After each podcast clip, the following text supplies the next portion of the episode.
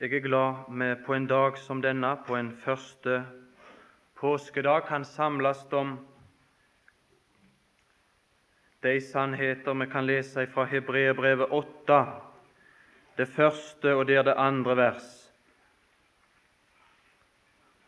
Der må òg finne den Herre Jesus omtalt ved majestetens trone i himmelen.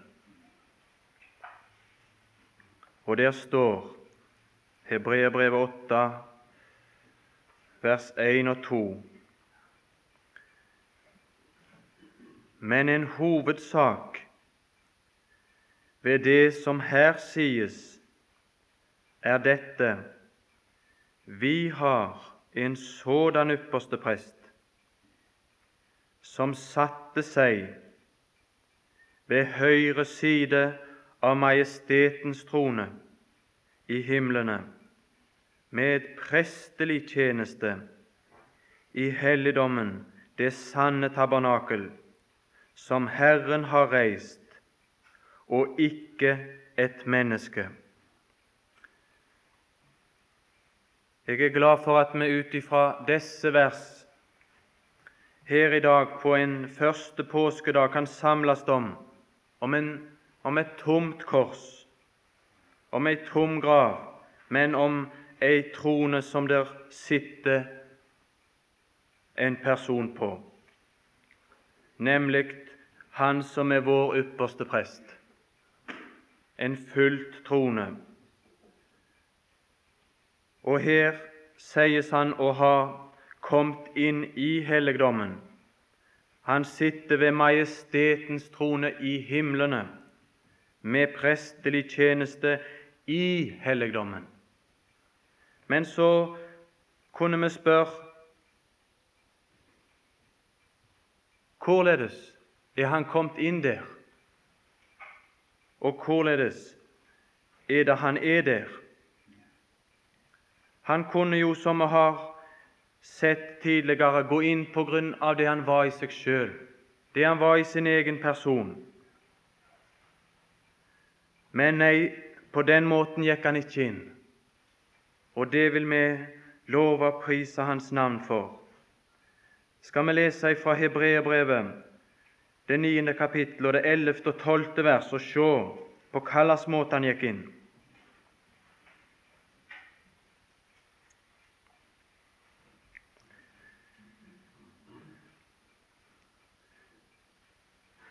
Men da Kristus kom som ypperste prest for de kommende goder, gikk han gjennom det større og fullkomnere telt, som ikke er gjort med hender, det er som ikke er av denne skapning,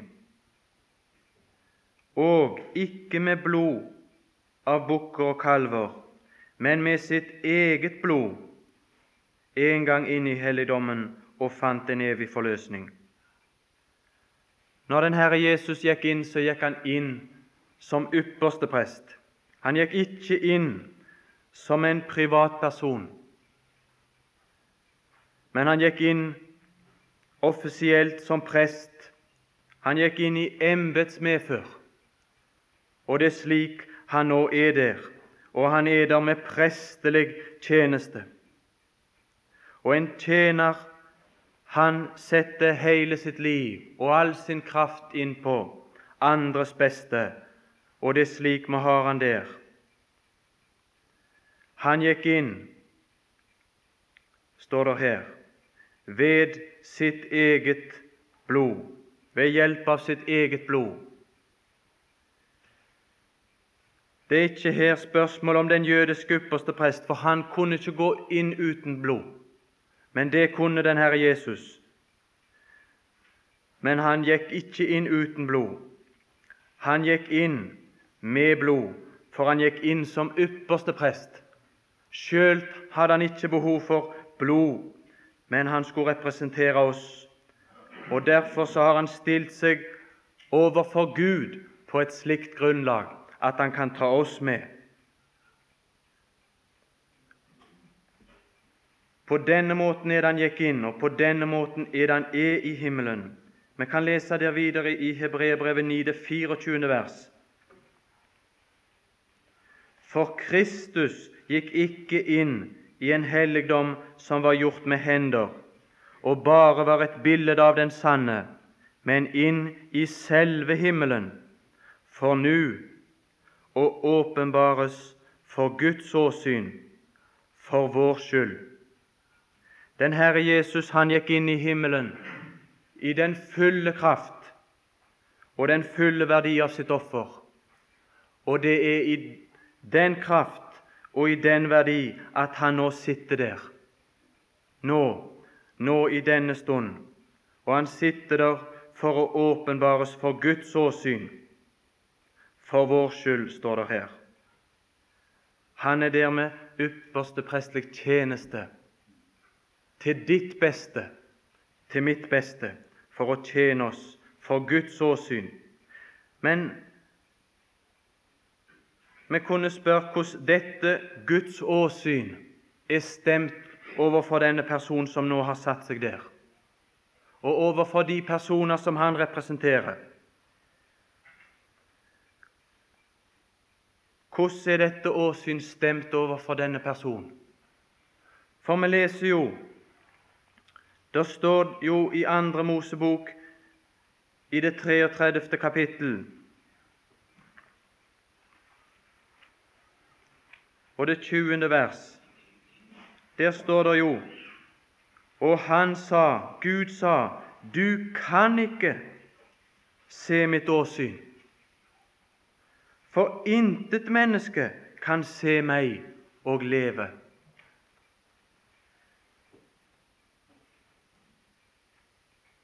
Hvordan er det med dette mennesket som nå har gått inn? Hvordan er dette åsyn stemt overfor denne mann? Jeg syns det står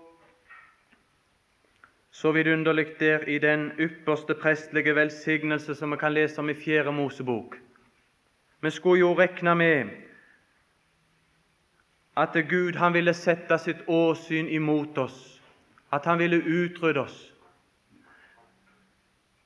Men det står der i den ypperste prestlige velsignelse som vi leser om der i Fjerde Mosebok Herren la sitt åsyn lyse over deg og være deg nådig. Det er ikke bare at han ser på oss, men når han ser på oss, så er det hans åsyn det lyser i vennlighet, i velbehag over oss. Hvordan er det stemt overfor oss? Det kan vi lese tydelig om i Salme 89. Der står det noen ord som har vært til stor velsignelse for meg. Salme 89, og der i det 15. og 16. vers. Salme 89, vers 15 og vers 16. Rettferd og rett er din trones grunnvoll. Og det er blodet som ble strøken på nådestolen. Og derfor så står det videre nåde og sannhet går frem for ditt åsyn. Og så videre. Salig er det folk som kjenner til jubel. Herre, i ditt åsyns lys skal de vandre. Han lar sitt åsyn lyse over oss, i lys av det som skjedde på nådestolen, ved at blodet ble bestenka der, så lyste hans åsyn i det aller helligste, og der er det hans folk kan vandre, og derfor så er det jubel. Salige det folk som kjenner til jubel. Det er når dette Guds åsyn ikke lyner, ikke tordna imot oss, men når dette åsyn lyser over oss og velsigner oss og er oss nådig,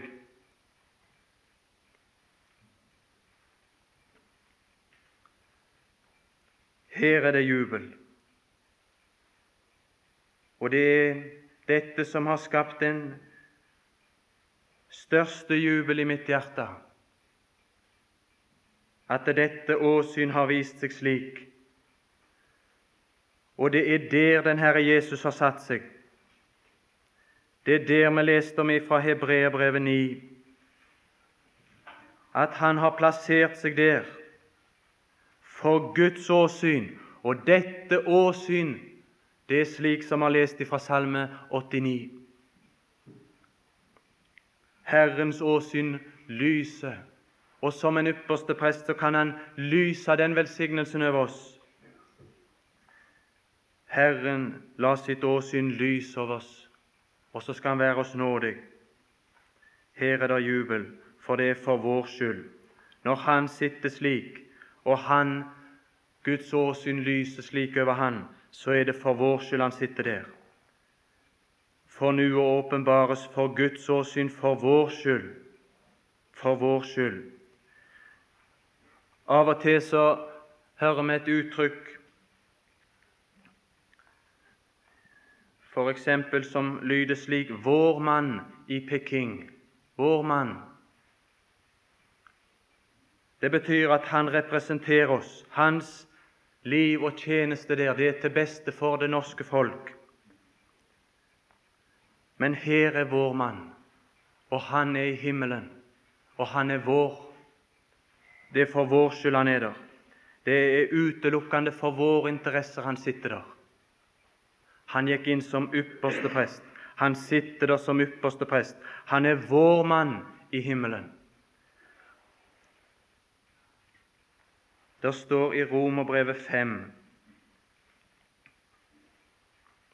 og der i det tiende vers, der står det så tydelig om denne vidunderlige sannhet som har med nettopp det som vi spesielt skulle minnes på denne dag. Der står det i det tiende vers i Romerbrevet 5.: For så sant vi ble forlikt med Gud ved Hans Sønns død da vi var fiender, så skal vi så meget mere bli frelst ved Hans liv etter at vi er blitt forlikt. Når det gjelder det spørsmålet at vi fortsatt skal kunne være frelst, så er det avhengig av at Han lever der. Og så blir vi frelst fordi Han lever der, fordi vi har en slik mann. Hvor er det han lever? Det står bare her at vi skal bli frelst ved hans liv. Men hvor er det han lever dette sitt liv? Det står der i det sjette kapittel, og det er i det tiende vers. Hvor er det han lever? Romerbrevet 6, 10. vers. For sin død, den døde han en gang for synden, men sitt liv, det lever han for Gud. Han åpenbares nå for Guds åsyn, for vår skyld. Og det er dette liv, hans liv, som vi skal bli frelst ved. For det står videre der i Romerbrevet 6.: Således skal også dere akte dere som døde for synden. Det er én ting. Men levende for Gud i Kristus Jesus. Hans liv. Vi skal bli frelst ved Hans liv. Vi skal akte oss sjøl levende der, i Kristus Jesus, i vår ypperste prest. For det liv som han lever der, det lever han i ypperste prestlig tjeneste.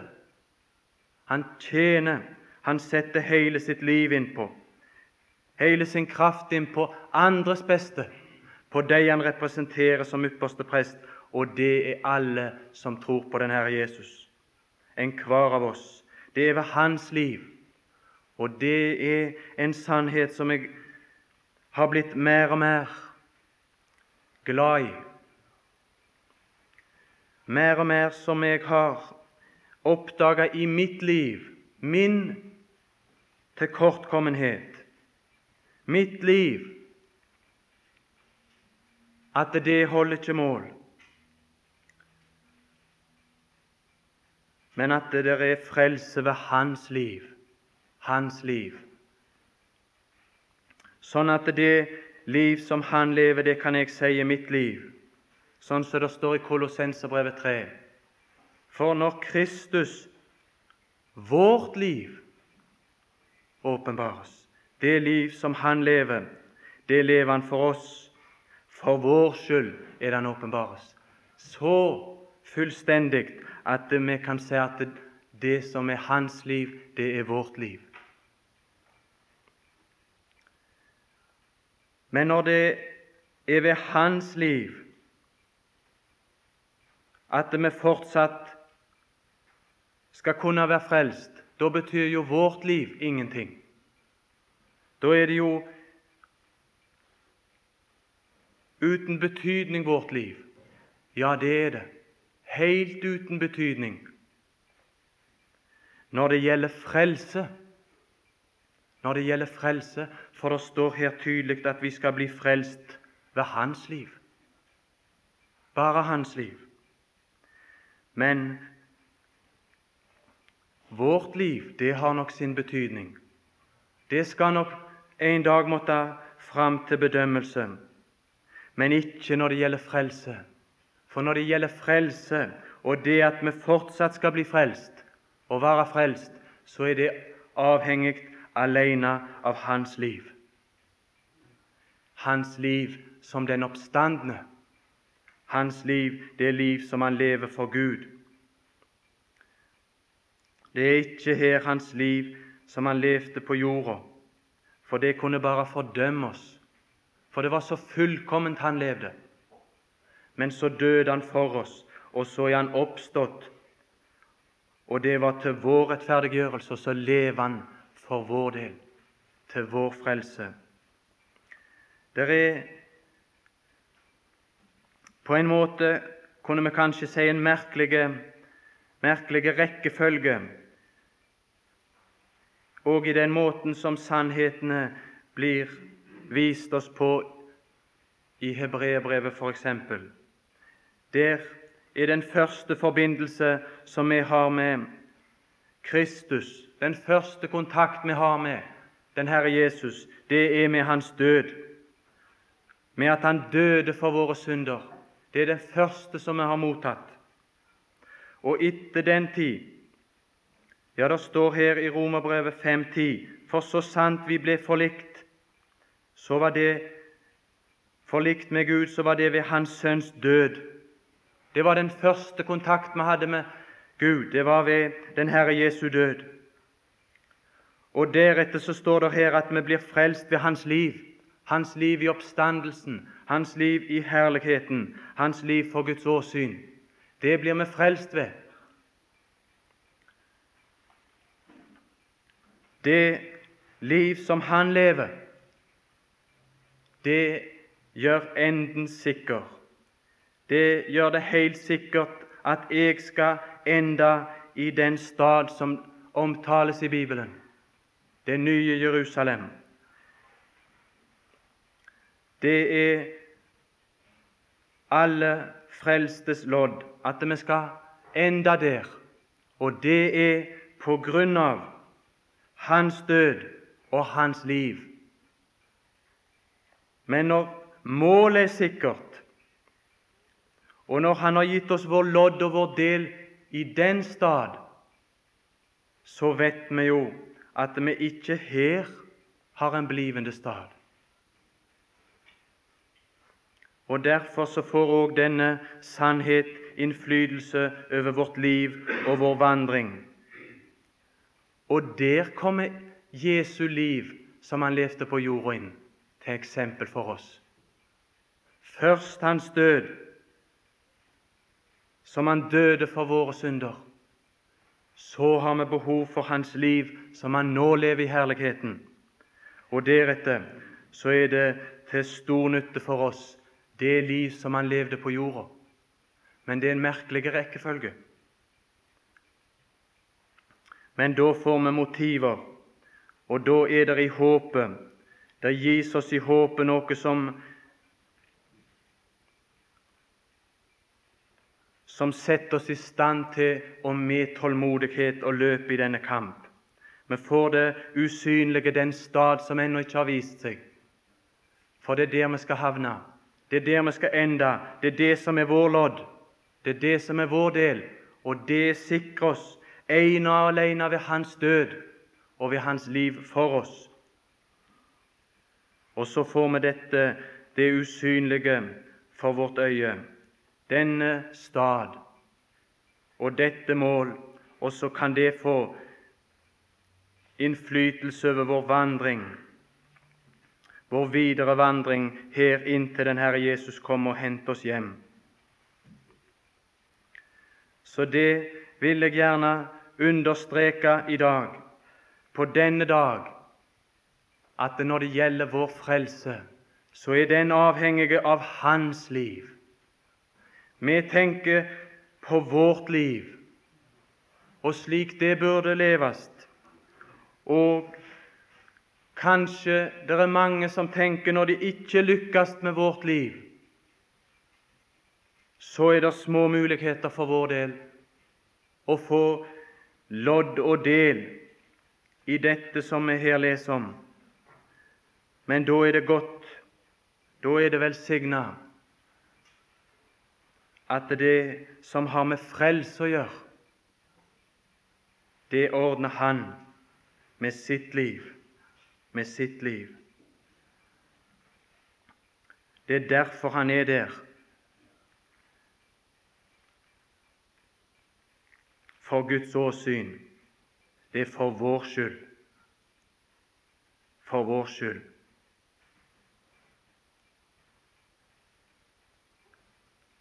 Dette er hva det er for oss. Hans liv der, det betyr vår frelse. Det betyr vår fortsatte frelse hele veien ved at det er Han som lever for oss, Han som representerer oss der i himmelen. Men så er det noe jeg har tenkt på, og som har velsigna mitt hjerte. Det er på den ene sida så har han gått inn der for vår skyld. Det er for vår skyld. Han lever der for vår skyld. Men hva er det for Kristus å være der? Hva er det for Han?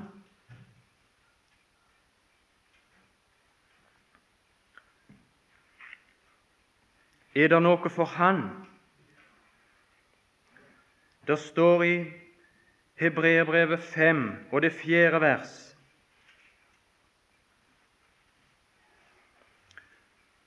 Og ingen tiltar seg selv den ære, nemlig den ære å bli kalt som ypperste prest. Men det står men den som kalles av Gud, like som Aron. Så Kristus er blitt tillagt den ære å være ypperste prest. Det er en ære for han. Og i Andre Mosebok Jeg skal bare lese det for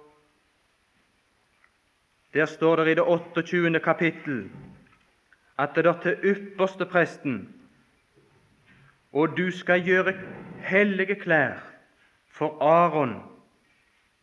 Det var ypperste presten. Hellige klær til ære og til pryd. Så når han tok på seg disse klær, så var det en ære som tilfalt ypperste presten. Og vi kjenner til hva den ære og hva den pryd bestod i. Det var nemlig det han var kledd i, som var hans ære og hans pryd. Og i den kledningen så vet vi at det var noen steiner. Og i de steinene så var Israels stammers navn skrevne. Det var denne ære og prydelse han var kledd i.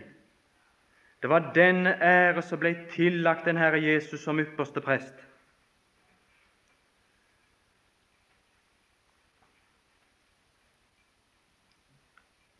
Hans ære bestod i de som han representerte, de som han var ypperste prest for. De var hans ære og pryd. Skal vi nå lese fra Johannes 17, det som kalles Jesu ypperste prestelige bønn. Johannes 17, og der kan vi lese i det femte vers. Eller vi kan lese fra det fjerde vers. Jeg har herliggjort deg på jorden, idet jeg har fullbyrdet den gjerning som du har gitt meg å gjøre. Og nu herliggjør du meg, Fader, hos deg selv med den herlighet jeg hadde hos deg før verden var til.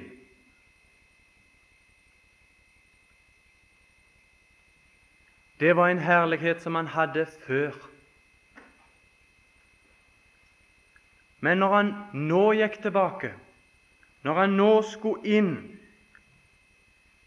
i himmelen som ypperste prest for oss, for deg og meg, var det ikke mer ære for den Herre Jesus. Det er jo stor ære, det er jo ufattelig for oss, det som står her i vers 5. Men det var en ære som han hadde før. Den herlighet jeg hadde hos deg før verden var til. Er det noe nytt nå når Han kommer? For det står i vers 11 Og jeg er ikke lenger i verden, men disse er i verden, og jeg kommer til deg. Er det ikke noen mer herlighet for den Herre Jesus nå?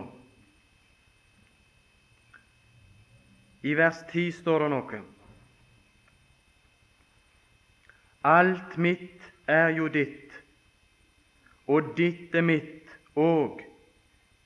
Jeg er herliggjort i dem. Det synes jeg er vidunderlig. Han hadde en herlighet som han hadde før verdens grunnvoll ble lagt. Og når han nå igjen går inn i himmelen, så får han den tilbake. Men her er tillegg. Her er noe nytt. Og den herlighet som han her bærer, det er at han skulle bli herliggjort i dem, i de som tror på han, i de som han skulle representere, i de som han skulle bære på sitt bryst og på sin skulder. De var hans ære. Det var disse klær til herlighet og ære som han nå ber i himmelen. Han er herliggjort i alle de troende. Det er en ære for han. Det er ufattelig. Men vi får et visst inntrykk av at det må være slik når det står om hyrden i Lukas 15 at han bærer det fortapte får. Han bærer det med glede. Jeg er herliggjort i dem. Tenk i meg og deg, i alle og enhver av oss som han har tatt opp, som han representerer. Det er ikke bare det at han ved sitt liv der bringer oss frelse, og at han greier å berge oss hjem på den måten. Men det er til ære for han. Han er herliggjort på denne måten. Det er til uendelig ære for Han.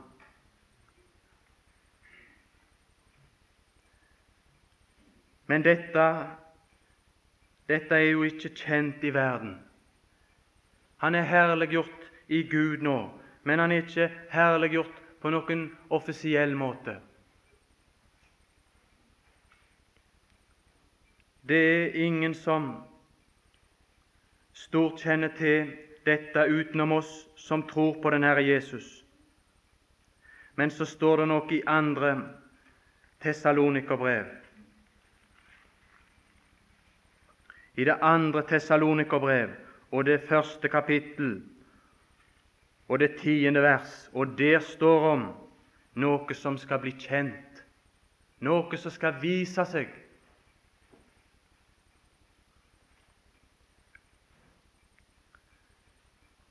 Og der står òg tidspunktet når Han kommer på hin dag for å vise seg herlig i sin egen person. Nei, det står der ikke. Det står i sine hellige. Jeg er herliggjort i dem, og det er han allerede nå. Men her står at han skal vise seg slik. Han skal vise det offisielt. Og det som skal herliggjøre han òg på den dag, det skal være med. Vi som er hellige ved hans offer, slik som det ble lest om til begynnelse av dette møtet. Han skal vise seg herlig i sine hellige og underfull i alle de troende. I alle de troende. For på denne måten å vise seg herlig, så har han bruk for alle de troende. Enhver av oss skal på den dag bli til ære for Hans navn i denne verden. Måtte vi inntil den dag vandre til ære for Hans navn. Men på den dag så skal vi bli til ære for Hans navn. Hans navn skal bli æra.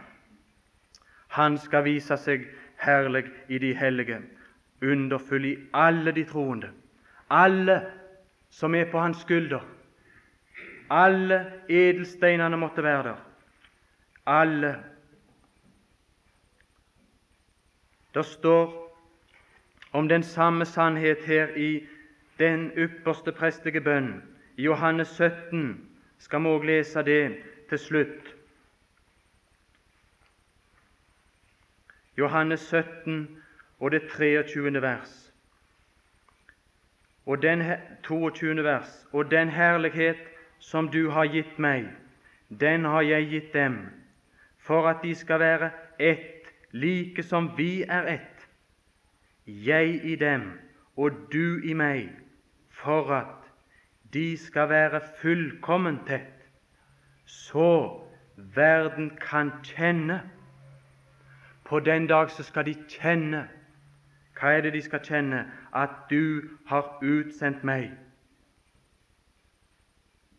For verdens øyne så skal det bli bevist at du har utsendt meg og elsket dem like som du har elsket meg. Du verden, det er godt allerede nå å finne seg igjen i denne person som sitter på Guds trone, og finne seg der nå og ikke bare finne seg der, sånn at vi skal bli frelst ved hans liv. Men det er velsigna godt å se at den Herre Jesus får ære, at Han blir herliggjort, at vi blir en gjenstand som Han har bruk for for å vise seg herlig igjennom.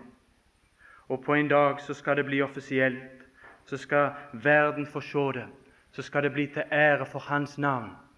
Det som Han kunne ta opp fortapte syndere og plassere de i herligheten sammen med Guds egen sønn, skal vi takke og tilbe.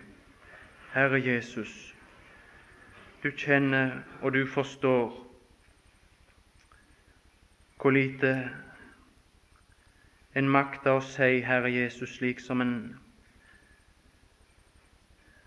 ser det, Herre Jesus, slik som en har fått det i sitt hjerte, slik som vi gjerne ville òg få bringe det videre. Men Herre Jesus, du ser,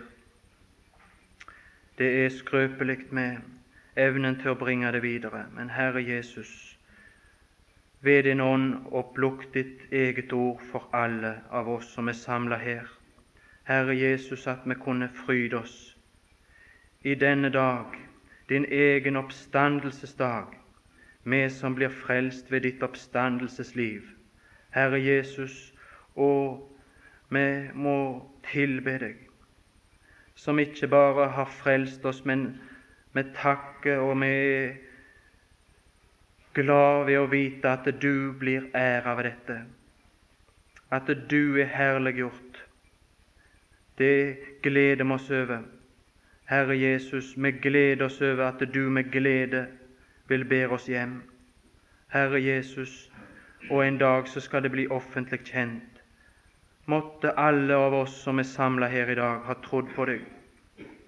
Måtte vi alle gi oss hen til deg som gjenstander som du kan bruke for å uttrykke din herlighet. Vi ber om det for ditt eget navns og æres skyld. Amen.